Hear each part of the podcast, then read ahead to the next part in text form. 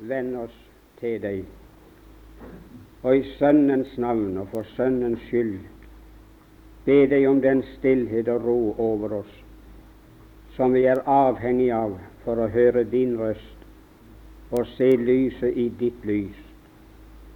Gi oss, Herre, å få se din Sønn slik som du har gitt oss ham, og da han som ditt lam gikk den tunge veien til Golgata, og hvor han kjøpte oss fri ifra all forbannelse og fra all dom.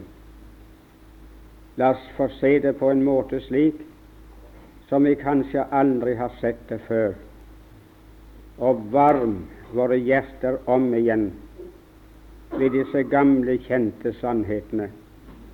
Du vet vi trenger det, og du vet hva enhver av oss trenger som sitter her, både de som sitter nede på stolene, og jeg som står her og skal si noe om deg. Må alt bli til ære for ditt navn, til glede for ditt hjerte, og til noen hjelp og oppbyggelse og frigjørelse og helliggjørelse for oss som er dine. Du vil høre oss for Sønnens skyld og for Hans navn alene. Amen. Vi skal lese et par vers sammen. De er begge så svært godt kjent. Først fra Isaias 53 og det syvende vers. Han ble mishandlet enda han var elendig og han opplot ikke sin munn, lik et lam som føres bort for å slaktes, og lik et får som tier når de klipper det. Han opplot ikke sin munn. Jeg tror jeg vil få lov å lese det om igjen. Han ble mishandlet enda han var elendig og han opplot ikke sin munn, lik et lam som føres bort for å slaktes, og lik et får som tier når de klipper det. Han opplot ikke sin munn. I 1. Korintiabrevet 6, den 19. og 20. vers. Eller vet dere ikke at eders legeme er et tempel for Den hellige ånd, som bor i eder, og som dere har fra Gud, og at dere ikke hører eder selv til, for dere er dyrt kjøpt. Er da Gud i eders legeme? For dere er dyrt kjøpt. Er da Gud i eders legeme? I den eldre oversettelsen sto det er derfor Gud i eders legeme og eders ånd, hvilke begge hører Herren til. Nå har vi i fire kvelder før sagt en del om Kristus som Guds lam og vårt lam og prøvd å finne noe av den betydning som det har for den enkelte av oss. Og jeg hadde egentlig tenkt helt til i natt at jeg skulle fortsette på samme måten. Men som jeg lå i natt, langt utpå natten, så drømte jeg de samme sannhetene om igjen som vi nå har vært samlet om. Og jeg drømte det så levende og så klart at så klart hadde jeg aldri lykkes meg å kunne forkynne det. Og det sto helt og fullt klart for meg da jeg vågnet. Og med en gang så slo de to stedene ned i meg som jeg nå har lest fra Isaias 53 og fra 1. Korinterbrevet 5, 6, 19 og 20. Og da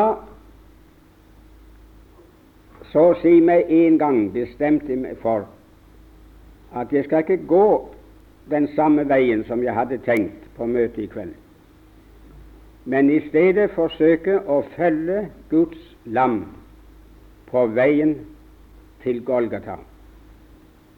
Prøve å se Guds lam som førtes hen til slakterbenken.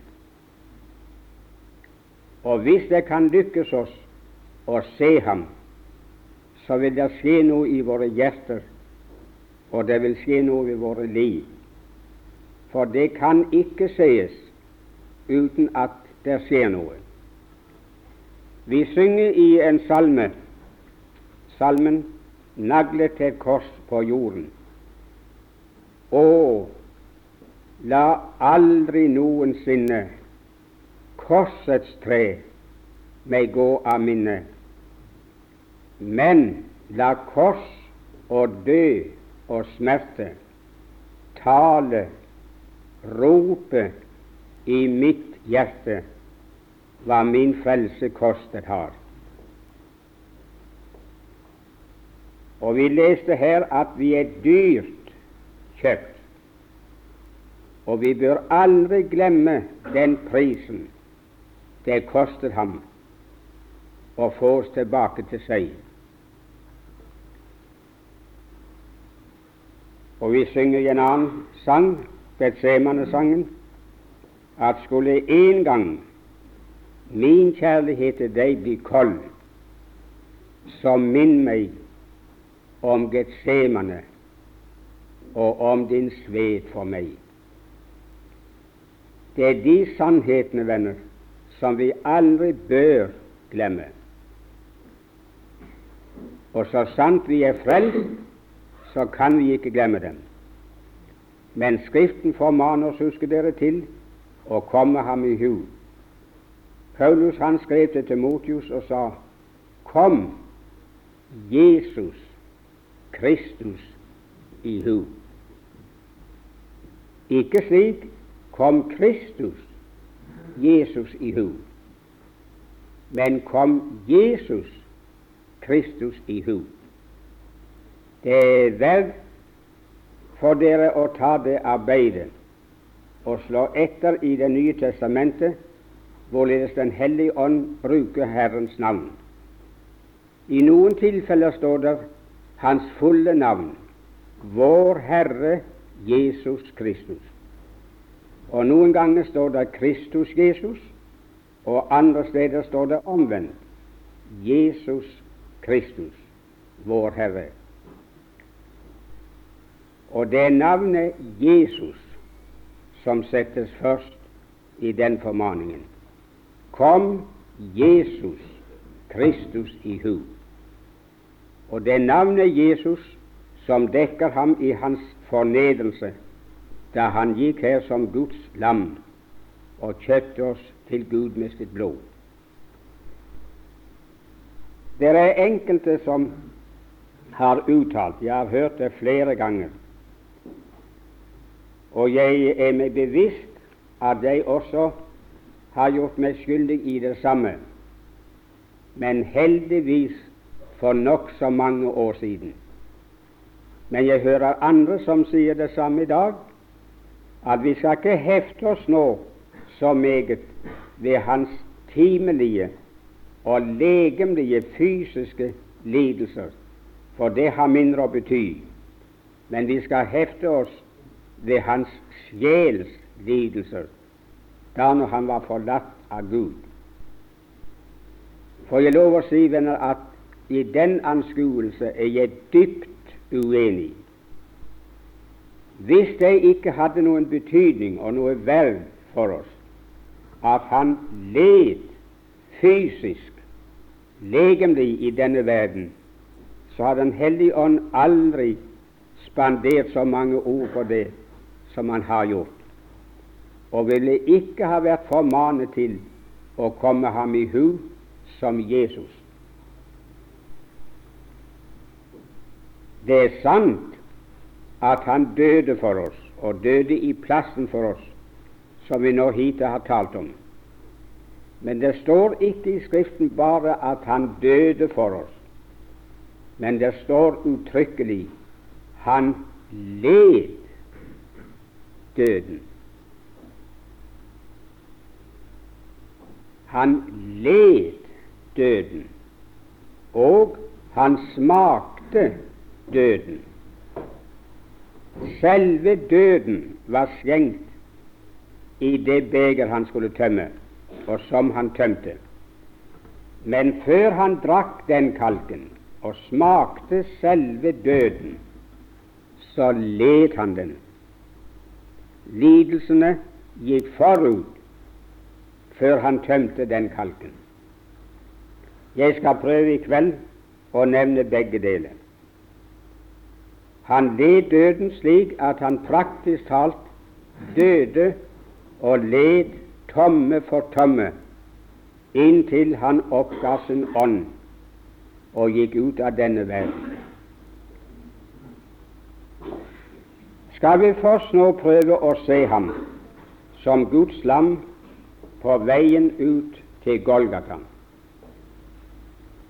Og da slår vi opp, dere som har Bibelen mer interessert, Matteus 26, og der fra det 57. vers. Matteus 26 fra vers 57. Jeg skal lese en del vers der. Men de som hadde grepet Jesus, førte ham til ypperste presten Kaifas. Der var de skriftlærde og de eldste samlet, og Peter fulgte ham langt baketter til ypperste prestens gård. Og han gikk inn og satte seg hos tjenerne for å se hva enden ville bli. Men ypperste prestene og hele rådet søkte falsk vitnesbyrd mot Jesus for at de kunne drepe ham. De var ikke sikre på om det ville lykkes å få Pilatus til å dømme ham til døden. Og for å sikre seg så fikk de i stand et prøveforhør hos ypperste presten Kaifas. Og der var hele rådet og samtlige prester og skriftlærde samlet. Og så førte de fram falske vitner som skulle si noe om ham som ikke var sant. Og hvis de fikk Pilatus til å tro det, så håpet de at han skulle dømme ham til døden. Men de visste, de visste hvem Pilatus var, så det kunne hende at han ville gjennomskue vitnene, så at anklagen ikke holdt. Skulle de prøve å kjøre dem da om natten. Og så står det ifra vers 60 De førte fram falsk vitnesbyrd mot Jesus for at de kunne drepe ham.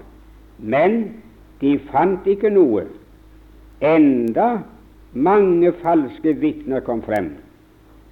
Men til sist kom to frem og sa denne mannen har sagt jeg kan bryte Guds tempel ned og bygge det opp igjen på tre dager.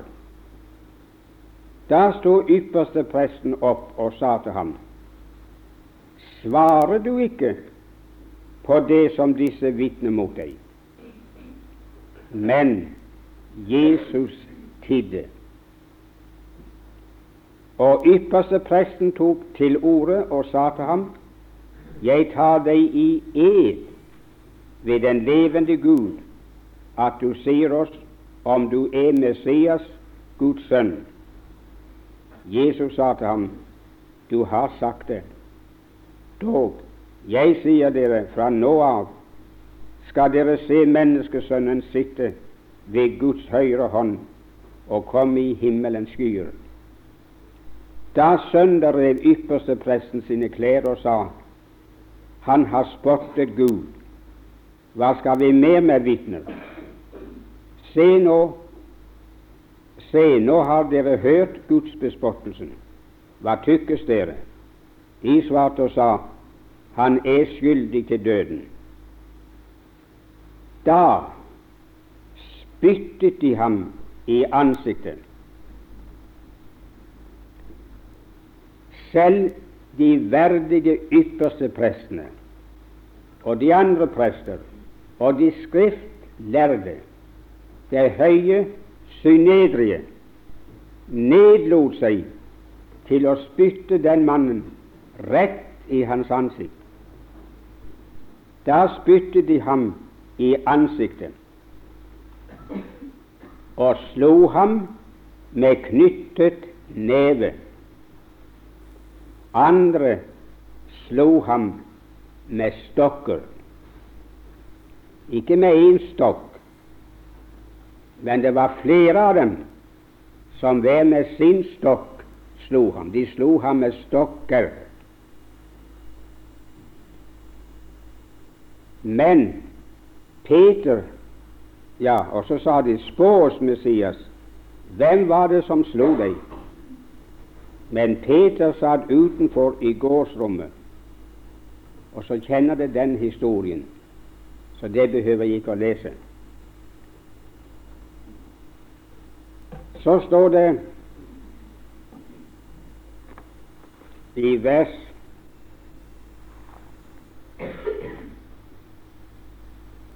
Ja, det var bare de versene jeg ville ha med. Så vil jeg bare føye til det.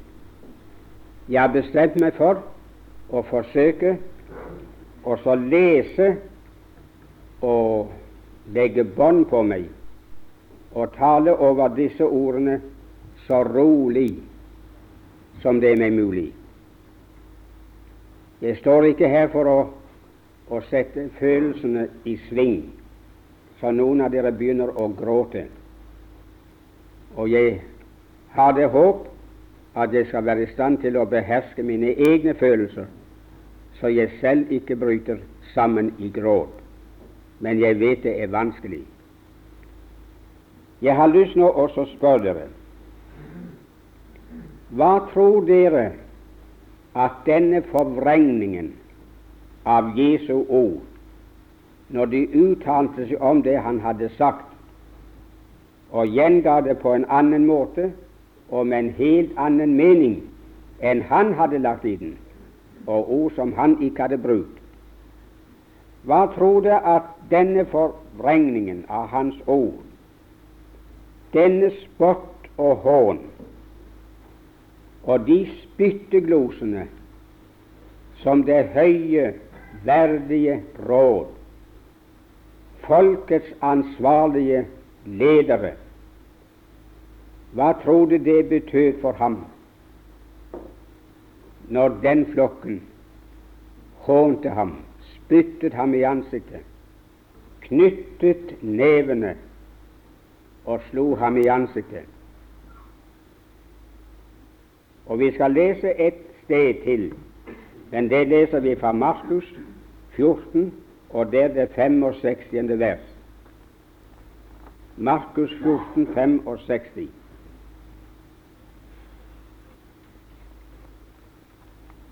Eller Ja, det er riktig.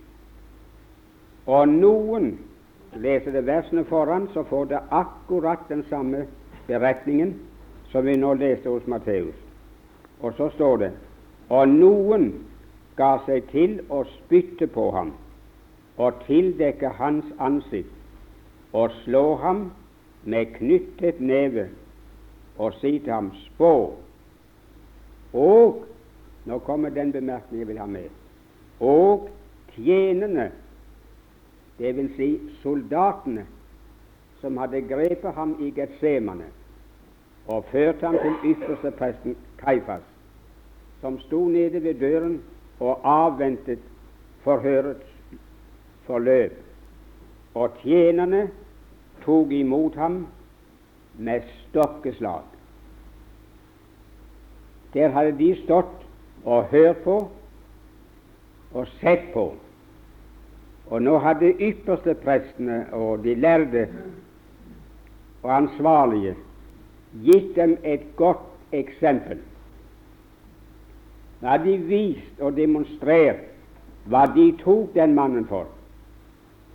Og med en gang de hadde slått ham med knyttede never, så sendte de ham ned til vakten for å føre ham til Pilatus. Så står det og så tok tjenerne, soldatene, de rå romerske soldatene, sine stokker og slo ham med stokker. Tror du han følte det? Tror Den hellige ånd har sagt noe slikt fordi det ingen betydning har?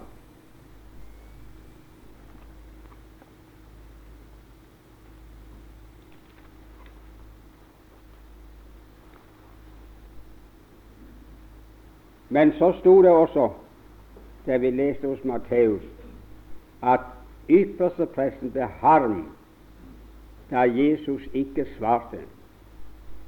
De løy på ham, vitnet falsk imot ham. Og han hørte selv at deres vitnesbyrd ikke stemte overens.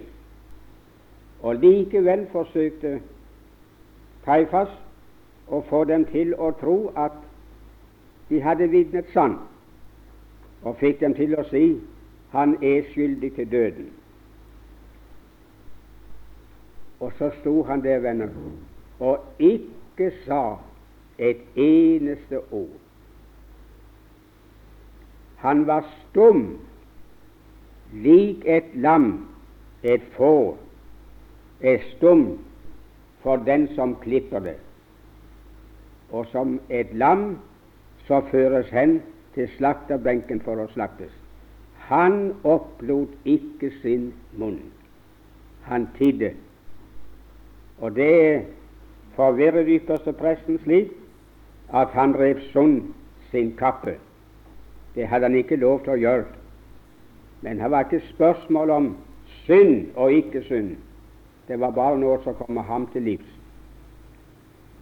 Si meg en ting, min venn. Har du tenkt på det har du sikkert. Hvorfor tidde han? Hvorfor kunne han holde ut og høre på all den løgnen og ikke forsvare seg? Hvorfor ikke korrigere det? Hadde han sagt det før, så kunne han sagt det igjen. Det var ikke slik, men det var sånn jeg sa det. Slik var det mine ordfall. Men han gjorde det ikke. Hvorfor ikke? Jeg kjenner bare to grunner, og den første er den fordi det står om ham at han led tålmodig vanæren. Han skjelte ikke igjen når han ble utskjelt, og han slo ikke når han ble slått, men han overlot alt det der til Herren. Så husk det at det er der det er tilføyd. Han etterlot oss et eksempel, at vi skulle følge i hans fotspor. Ikke slå igjen, og ikke skjelle igjen når vi blir vanæret og forvrengt og utskjemt i folkets øyne. Han led tålmodig vanæren, forsvarte seg ikke. Nå hadde de klippet ham for all hans navn og all hans ære i denne verden. De hadde i handling vist at de anså ham for en overtreder, en forbryter, en som førte folket vilt, en som hadde spottet Gud ranet ham fra all hans tillit og all hans ære i denne verden. Og det var folkets kårne og ansvarlige. Og så tok han ikke til gjenmæle. Han kunne ha gjort det, men han led tålmodig. Men det er gang til hvorfor han ikke sa noe. Vil du notere deg, min venn, i kveld at nettopp nå, mens de sto og vitnet falsk imot ham, og mens presten rev sine klær i stykker fordi Jesus tidde og ikke svarte på det som var sagt, så satt der en av hans disipler bak ryggen hans og fornekter hans navn, og endog bante på at han ikke kjente ham. Det var Peter. Han fulgte med like inn, leser vi, i ypperste prestens gård. Altså ikke inn til Pilatus, men inn til Kaifas. Og der står det, om vi leser alt i de andre evangelistene, at de hadde gjort opp en kullild. Har du lagt merke til hvor? De hadde gjort opp en ild av kull midt i gårdsrommet. Ikke borti en krok, men midt i gårdsrommet. Og det vil si, venner, at han satt rett bak den Herre Jesus og kunne se ham i ryggen. Muligens han hørte hva de andre løy på ham, og han kunne ha tatt dem i forsvar, men av frykt for seg selv så tidde han også når det gjaldt den sak. Men der forbandt han seg på at han ikke kjente Herren. Stillingen var slik, forholdet var slik, at Jesus behøvde bare å vende hodet. Så så han Peter. Han satt midt i gårdsrommet og fornektet ham. Men så står det at Jesus hadde sagt til Peter Satan begjærte å forsikte dere som vet det, men jeg ba for deg, for at din tro ikke skulle avlate. Mens de vitnet falskt imot ham og klippte ham som du klipper et får snaut for ullen, for all hans ære og all hans pryd i denne verden, så sto Jesus og ba for en av sine som syndet, og syndet grovt. Syndet så grovt, mine venner, at man kunne fristes til å tenke på at han syndet mot Den hellige ånd. For Jesus sa til ham en gang, Peter, hvem sier dere at jeg er? Folket sier det og det og det, men hva sier nå dere, og hva sier du?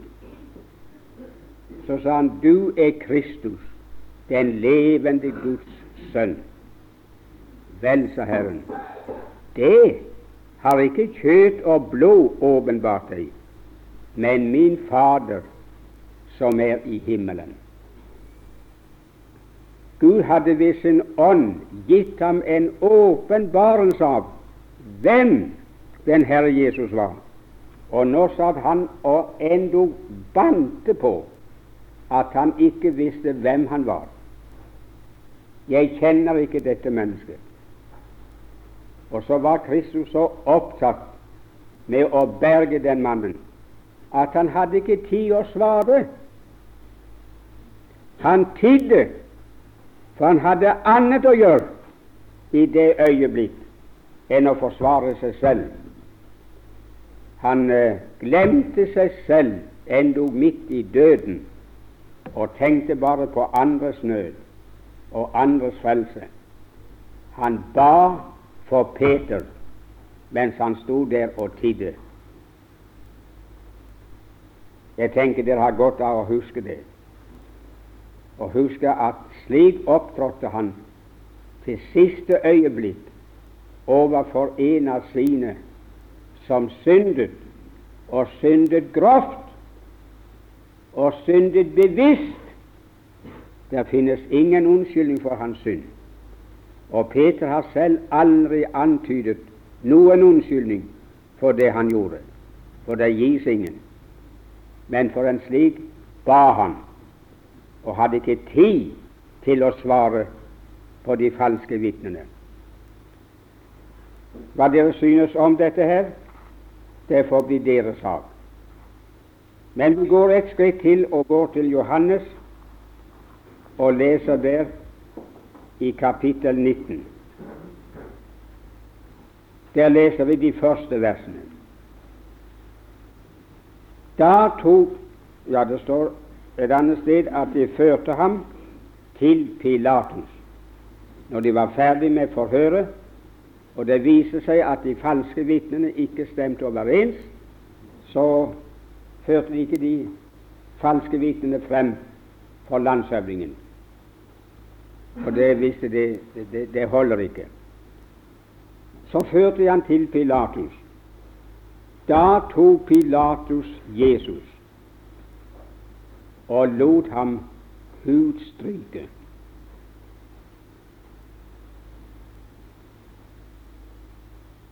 Jeg stoppa med vilje, for jeg vil du skal merke deg det. Han hadde gjort alt som sto i sin makt for å få Jesus fri. Folket ropte 'korsfest ham', 'bort med ham', 'gi oss en røver i plassen', men kvitt oss med ham. Og han gjorde sitt ytterste, og nå gikk han til det siste som han evnet å gjøre. Han lot den uskyldige mann, hos hvem han ikke hadde funnet noen skyld, hudstryke. Du har lest det, du har hørt det, du har sunget det om og om igjen. Du har vitnet om det mange ganger.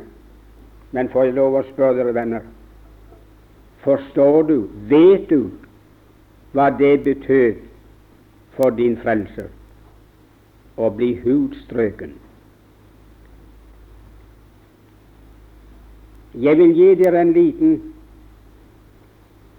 historie om hva en hudstrykning egentlig var.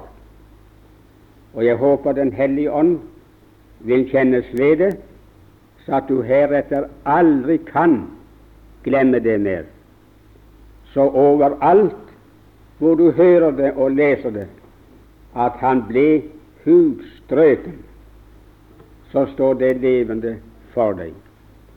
Og har du aldri takket ham før, vil du knele iallfall i ditt hjerte og takke ham for de øyeblikkene. En hudstrykning foregikk på følgende måte. Før mannen ble hudstrøken, så ble det rammet ned to trepæler på en åpen plass. I dette tilfellet i eh, gården hos landshøvdingen. Den ene stolpen, pælen, den var litt høyere enn den andre. Og de sto sådan ca. én meters avstand imellom. Så tok de mannen som skulle hudstrykes, og så bandt de armene hans strakt opp, fast til hodet. Så hvis de tok i armene og trakk de nedover, så fulgte hele overkroppen med. Det var ingen vei utenom. Og så bandt de mannens armer fast til den høyeste pælen, og føttene hans ble bundet fast til den kortere pæle.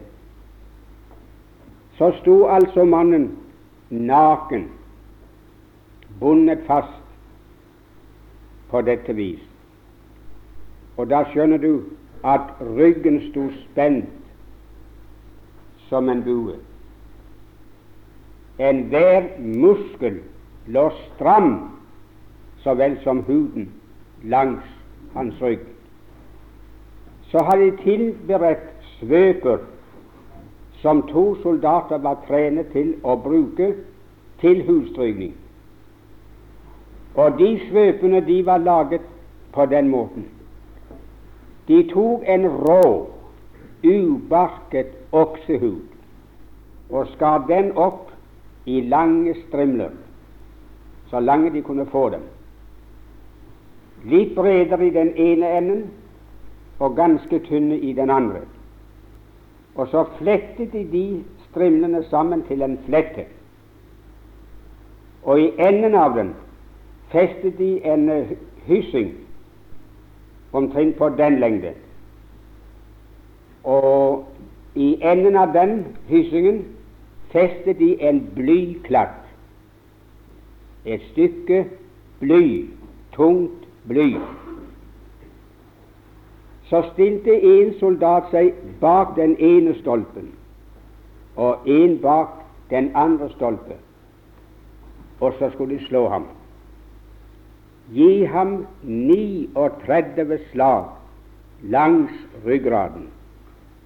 De sto ikke én på hver side og slo ham tvers over ryggen, men på langs. Og treningen deres bestod i å slå slik at hvert slag rammet på samme sted. Og den romerske historie forteller at som regel brast og revnet huden ved det tredje, men ganske sikkert ved det fjerde slag. Så alle de andre noen og tredve slag falt i samme såre, i hans åpne kjøtt. Men jeg glemte å føye til at når de flette de, de eh, skinnstrimlene sammen, så flettet de inn knuste leggeben, rå leggeben. De knuste de med lette hammerslag, så de sprang i lange fliser. Og med slike svøper ga de den Herre Jesus 39 slag.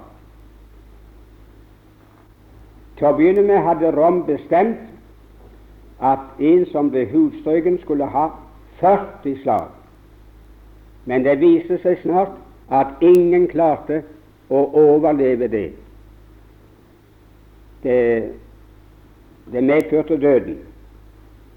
Så ble de enige om at de skulle ta av et slag inntil det viste seg at et menneske kunne holde det ut uten å dø. Og det merkelige, venner, det viser seg da at bare de tok av ett slag, så det ble 39 slag, så kunne de leve. Har du tenkt over, min venn, at din frelser sto en dag bonden på den måten, med ryggen spent i bue, og får 39 slag av slike svøper fra trente soldater som visste å treffe hvor de skulle treffe. Har du tenkt på hva din frelse kostet har? Det var noe jeg sier med betoning det var noe av den prisen som han måtte betale.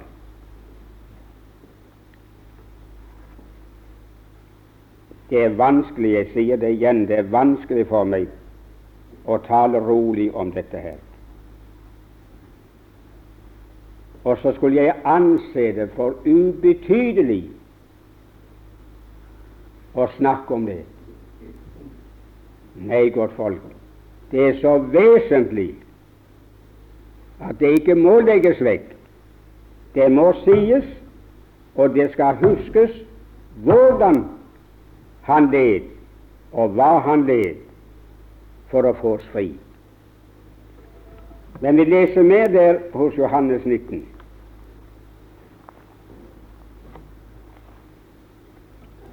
Da tok Pilatus Jesus og lot ham hudstryke, og stridsmennene flettet en krone av torner og satte den på hans hode.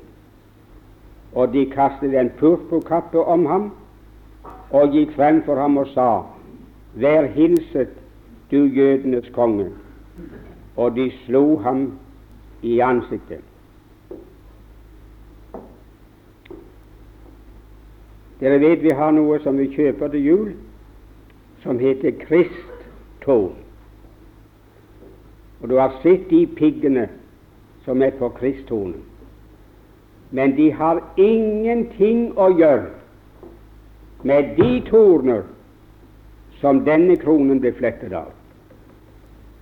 Den ble flettet av tornegrener som hadde pigger på, som var en og en halv tomme lange. De flette de og satte om hans panne. Og når den kronen var plassert, så slo de igjen og drev de piggene inn i skinn og kjøtt om hans hode. Han ble tornekronet og kledd i en narrekåpe og gjort narr av som en konge.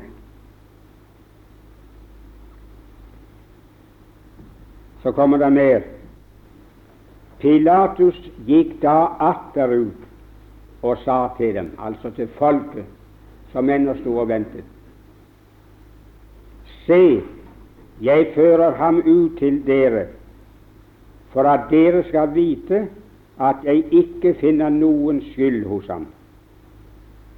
Jesus kom da ut og bar tornekronen og purpurkappen, og Pilatus sa til dem, Se det mennesket.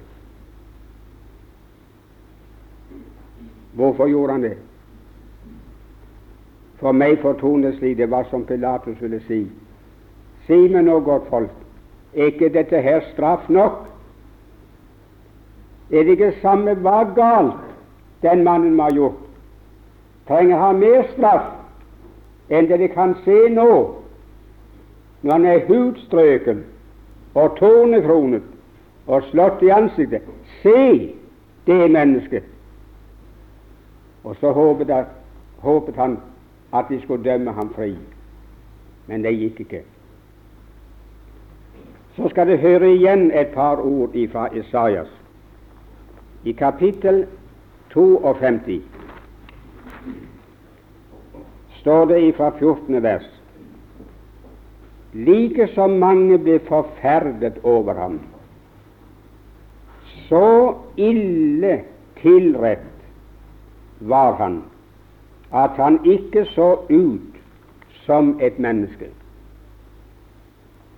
og hans skikkelse var ikke som andre menneskers barns.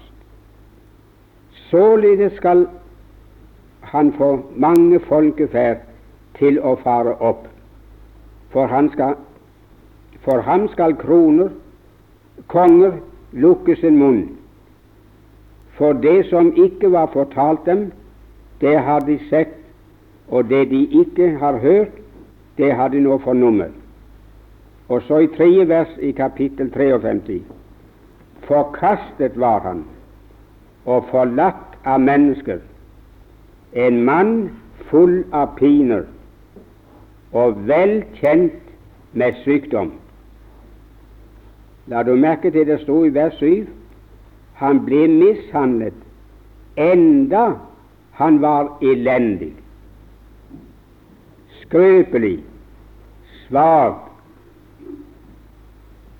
kanskje syk til sitt legeme, full av piner på forhånd, og enda, til tross for det, så mishandlet de ham. Og så står det mer. En mann full av piner og vel kjent med sykdom.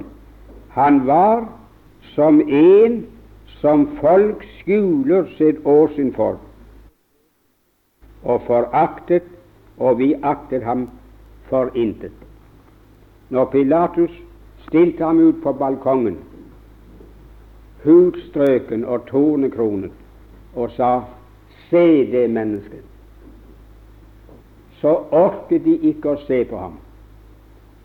Men de skjulte sitt ansikt for ham, for han var så ille tilrett at hans ansikt var ikke som et menneskes, og så skjulte de sine øyne for ikke å se ham. Bør vi glemme det? Vil du regne med det, min venn, når du går hjem i kveld, og se ham stående der på balkongen, så ille tilrett at selv hans fiender, som ønsket livet av ham, de orket ikke å se på ham mer. Det måtte han tåle. Og det var også noe av den prisen som han betalte da han kjøpte meg til Gud.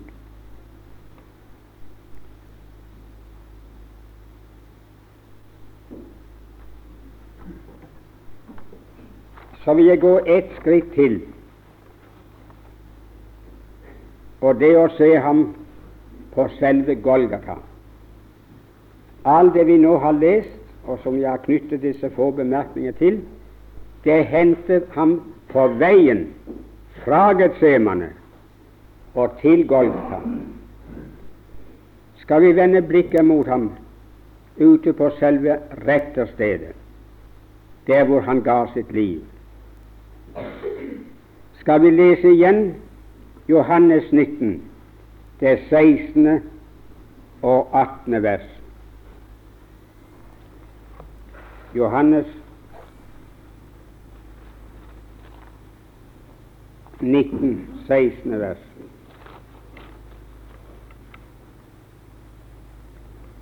Da overga han dem Nei, da overga han ham til dem til å korsfestes.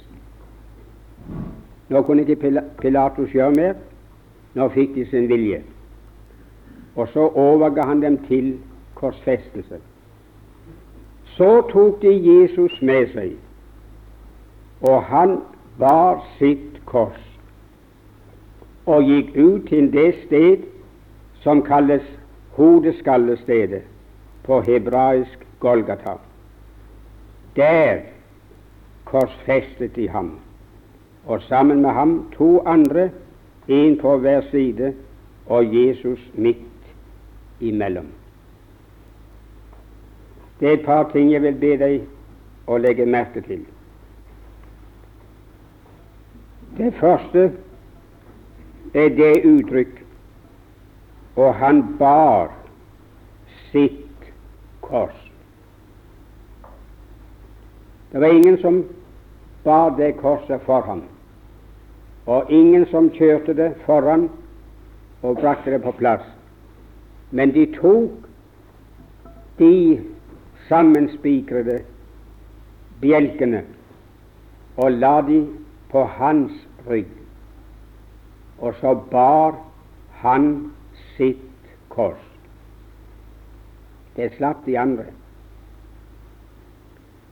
Har du tenkt over det? Hva han følte, og hvordan det virket å legge den tunge krossen på den ryggen, som hadde fått 49 slag, 39 slag av slike svøper. Tror du det gjorde vondt? Du skal ikke stort sår ha i hånden din når du går ut i hagen eller på jorda nå om dagene og tar en spade og skal spa. Du sier da kan jeg ikke spa, for det gjør så vondt. Tenk deg med en slik rygg. Hud og kjøtt er plukket av ryggen, så den nakne benraden igjen så det står om ham i Salme 22 De sto og så på meg, og så på meg med lyst, og jeg kunne telle alle mine ben. På nakne ryggraden med en tynn kappe imellom la de det korset, og han bar det.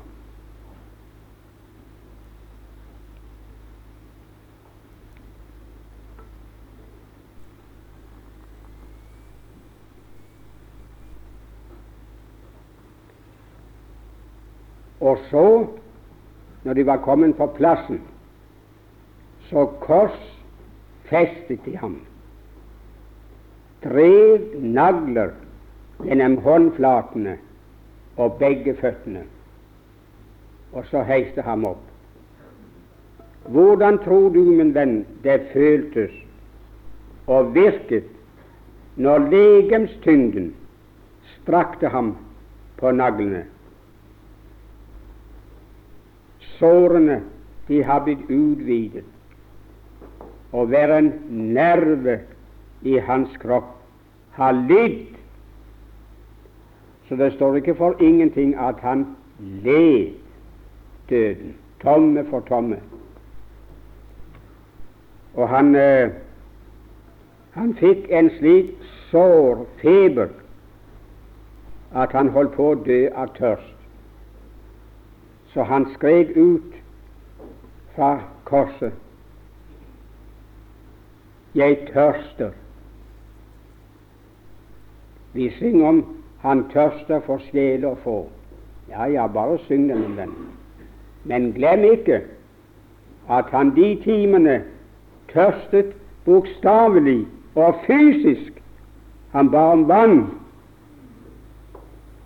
Det sies om ham i Salme 22 at min tunge, den henger fast ved min gane.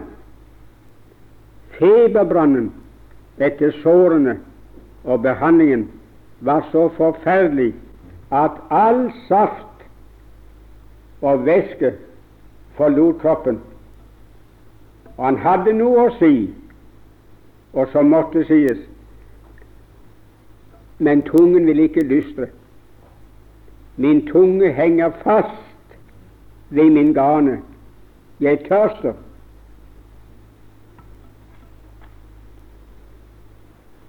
Så står det i Markus 15, 22 og 23, om det selv vil slå opp og lese,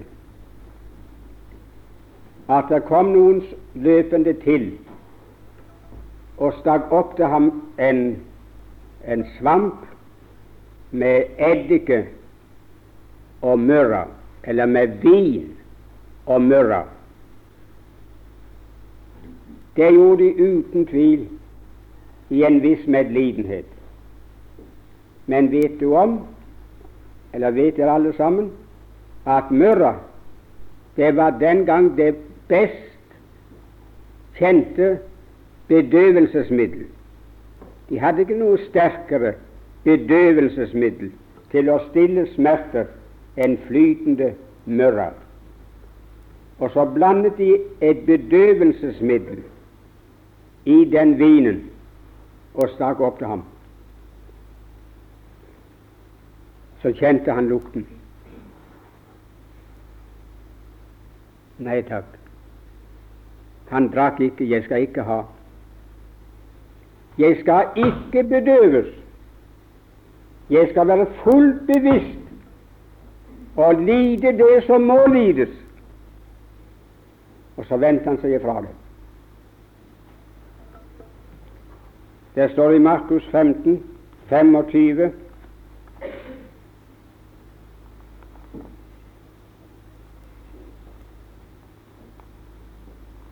Nå bladde jeg det vekk. Markus 15 Nei, det er Matteus igjen.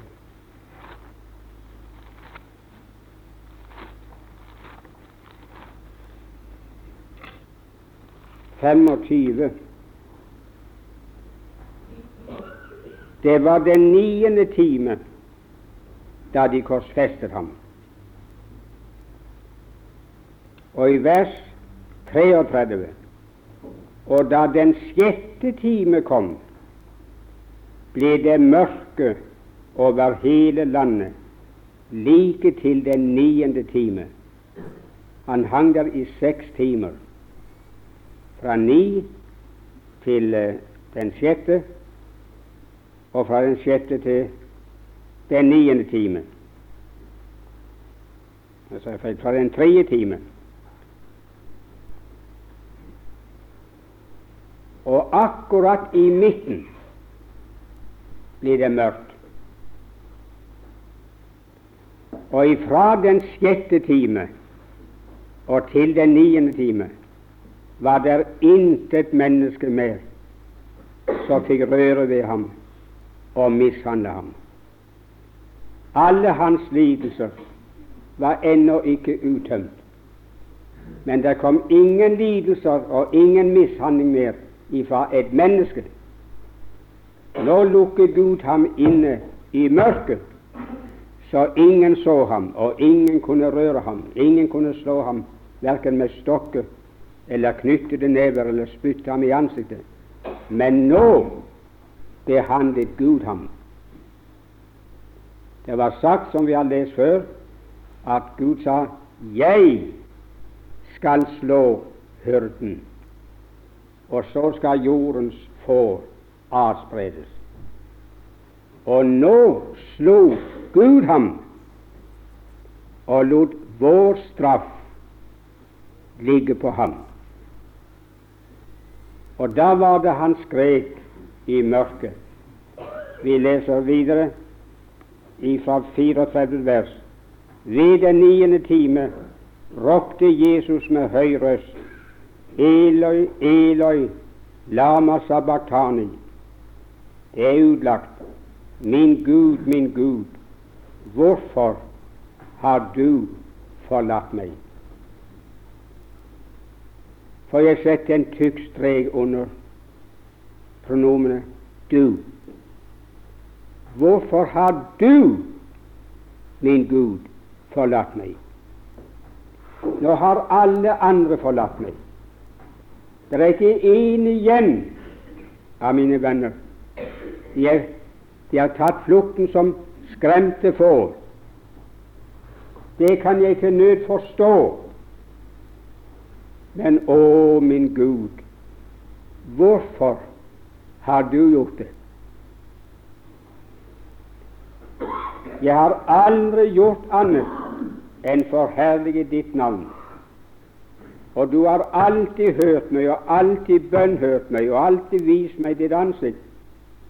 Hvorfor har du nå vendt deg fra meg og overlatt meg i mørket? David han sa en gang jeg har vært ung og jeg er blitt gammel, men jeg har aldri sett en rettferdig forlatt av Gud eller hans avkom søke etter brød.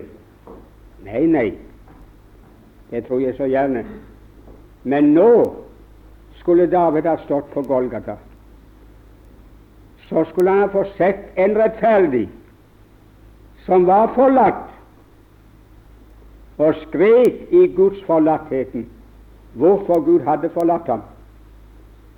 Om han ikke skrek etter brød, så skrek han etter vann.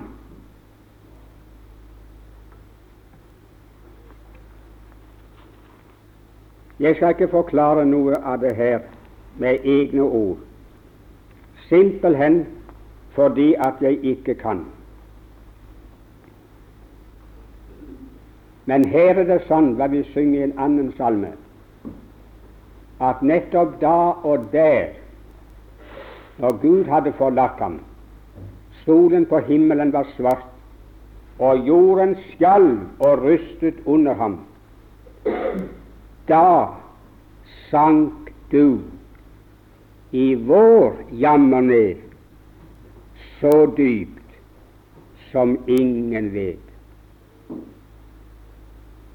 Da sank du så i vår jammer ned så dypt som ingen vet. Så spør meg ikke, min venn, om hva han da led. Det overgår alt det vi før har snakket om, fra de begynte å mishandle ham. Nå begynte han å smake selve døden den forbannelsesdøden som er lønnen for et liv i synd.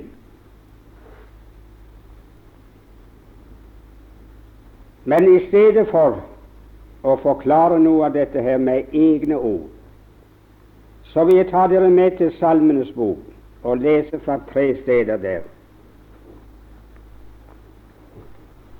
Jeg skal ikke forklare stedene, for det trenges ikke. Men jeg ber dere om å høre vel etter. Og tro nå ikke at det jeg leser, er noe som gjelder David, men det er ting som gjelder den Herre Jesus. Det er en profesi som Den hellige ånd har gitt på forhånd om det som skulle finne sted for hans vedkommende på Golgata. Vi leser først fra Salme 18. Og der i det femte til og med åttende vers. Dødens red omspente meg, og fordervelsens strømmer forferdet meg. Dødsrikets red omga meg. Dødens snarer overfalt meg. I min trengsel påkalte jeg Herren, og jeg ropte til min Gud. Han hørte fra sitt tempel min røst, og mitt skrik kom for ham til hans ører. Da, merk det, da rystet og bevet jorden, og fjellenes grunnvoller skjalv, og de rystet, for hans vrede var opptent. Mine venner, dette gjaldt ikke David, for det hendte ingen gang i hans liv at jorden rystet og skalv når han skrek og ba til hevn. Men det hendte da Guds sønn var naglet et kors og forlatt av Gud i mørket. Da sjalv og rystet jorden under ham for Guds vrede var opptent imot ham, og døden og dødsrikets rep omspente ham. Så står det i Salme 42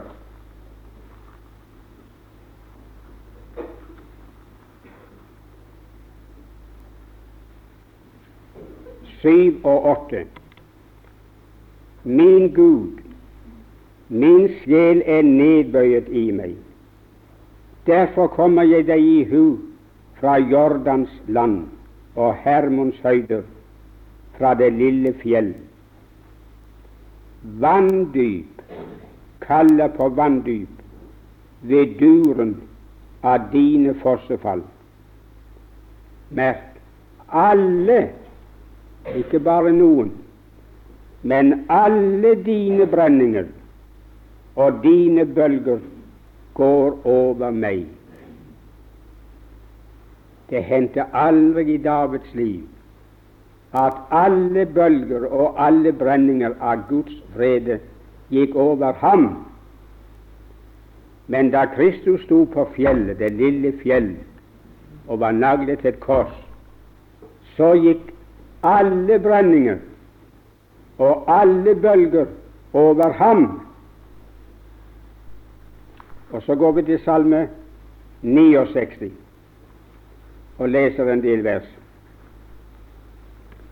Først skal vi lese det andre til fjerde vers. Frels meg, Gud, for vannene er kommet inn til sjelen. Jeg er sunket ned i bunnløst dynn hvor der intet fotfeste er. Jeg er kommet i dype vann, og strømmen slår over meg. Jeg har rått meg trett, min strupe brenner, mine øyne er bortført idet jeg venter på min Gud. Fra vers 15. Redd meg ut av dynnet, og la meg ikke synke. La meg bli reddet fra dem som hater meg, og fra de dype vann. La ikke vannstrømmen slå over meg, og la ikke dypet sluke meg. og la ikke brønnen lukke sitt gap over meg. Svar meg, Herre, for din miskunnhet er god. Vend deg til meg etter din store barmhjertighet, og skjul ikke ditt åsyn for din tjener, for jeg er i nød. Skynd deg og svar meg. Kom meg nær, kom nær til min sjel, forløs den, frels meg fra mine fienders skyld.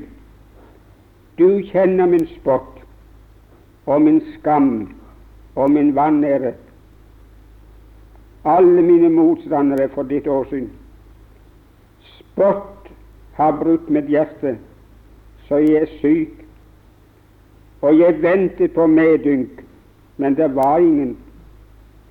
Jeg ventet på trøstere, men jeg fant ikke noen. De ga meg galle å ete, og for min tørst ga de meg eddike å drikke. Det hendte ikke i Davids liv med ham, men det hendte på Golgata, da dødens rep omspente ham, og han sank i det dype dynn. Da følte han det, venner, som, som om det ikke var bunn. Nå synker jeg, og synker for godt. Gud har forlatt meg. Han har vendt sitt ansiktslys ifra meg, og jeg ser ham ikke mer. Å, la ikke brønnen sluke meg, og la den ikke dukke gap over meg, så jeg blir her. Det var hans bønn og hans rop i de tre siste timene. Så dyrt har han kjøpt deg og meg. Dere er dyrt kjøpt. Er derfor Gud i eders legeme og eders ånd, hvilke begge hører Herren til. Og det står i 2. Korinterbrevet 5 og det 15. vers. Vi har gjort dette opp med oss selv, at når én er død i stedet for alle, så er alle døde. Og han døde for alle, for at de som lever, ikke lenger skal leve for seg selv, men de skal leve for Ham som er død og oppstanden for dem. Min venn, hvordan ser den lønnen ut som du og jeg har gitt ham igjen for alt hva han led? Hva skal jeg give min frelser? Skal vi gi ham ingenting? Det er mange mennesker jeg synes synd på, men aller mest på gamle folk som har levd et langt liv, litt levd praktisk talt sitt liv til endes i denne verden, i synd og vantro og trampet hans navn og hans ære under føtter, vendt seg fra ham. Alt det de hadde av krefter, av evner, av tid og anledning, det hadde de latt djevelen disponere i en eller annen form. Og så kommer de som gamle, utslitte mennesker. Det er bare noen gamle beinknokler og stramme senere igjen. Og de vet at nå skal jeg snart inn i evigheten. Og så skal jeg møte ham. Jeg er nødt til det. Som gikk til Golgata og døde for meg denne verden. Og så roper de, Herre, frels meg. Og så har de ingenting å gi ham. Det de hadde en gang å gi ham, det har djevelen og verden fått. Så nå er bare en utslitt, gammel sjel og noen beinknokler, og så skal det være godt nok for ham. Jeg har forstått i en del større og mindre vekkelser. Jeg har fått bedt med unge og gamle Det er godt hvem som kommer. Han tar imot alle. Men det er noe trist når slike gamle, utslitte mennesker kommer og ber om frelse. Jeg tør ikke si det til dem, selvfølgelig ikke, men jeg sier det i min sjel til Gud.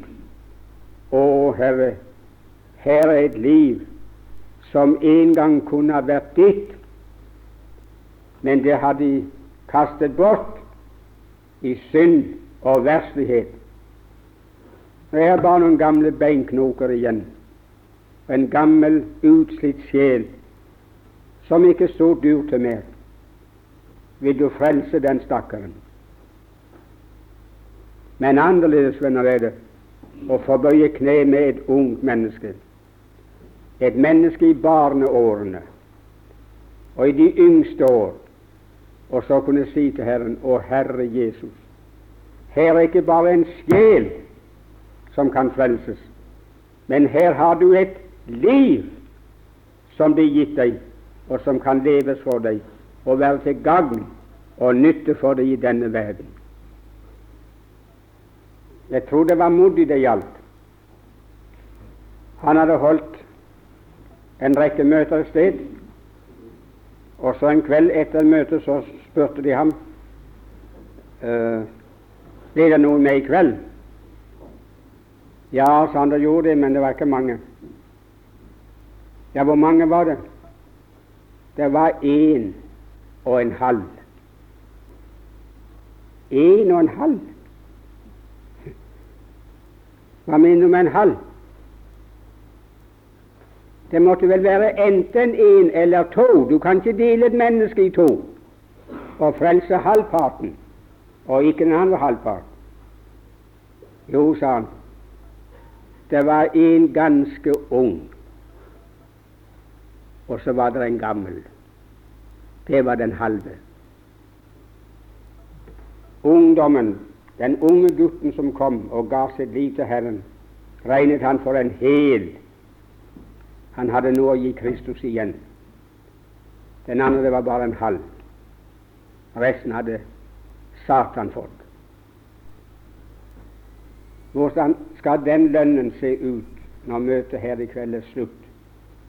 for ditt vedkommende som sitter her, som han får igjen for det han ga, og det han led for deg.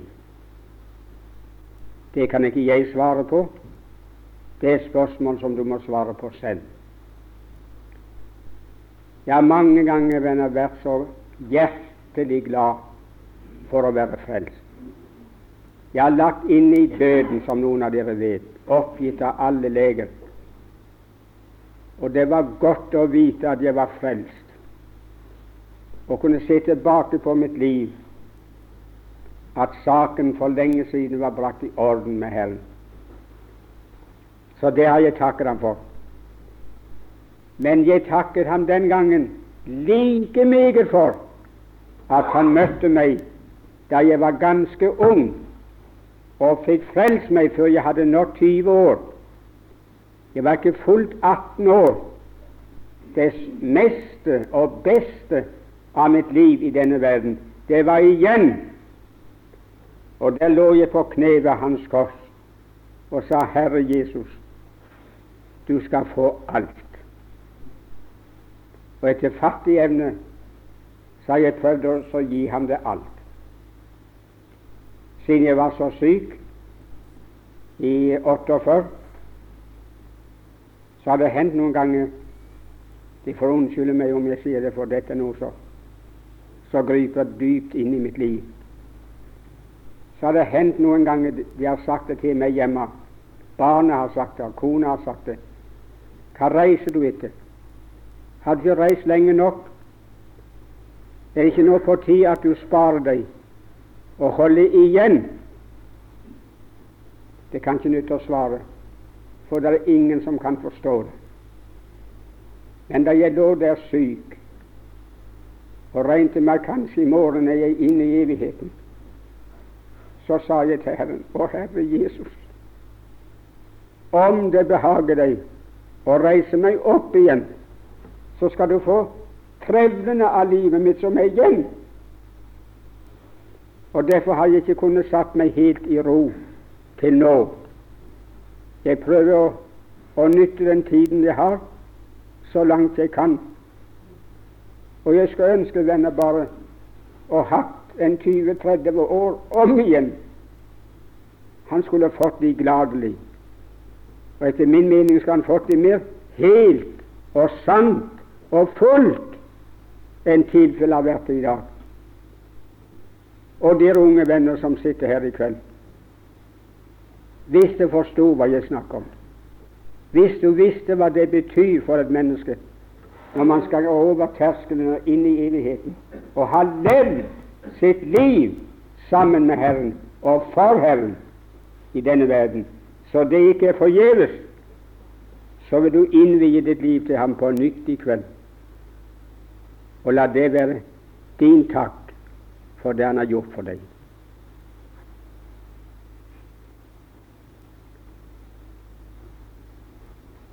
Vi stopper med det. Det er så mange andre ting for meg som burde være sagt, men for tidens skyld så må vi la det fare. Kan vi se og fatte litt av meningen av det som er sagt og lest nå, så har vi nok for i kveld. Amen.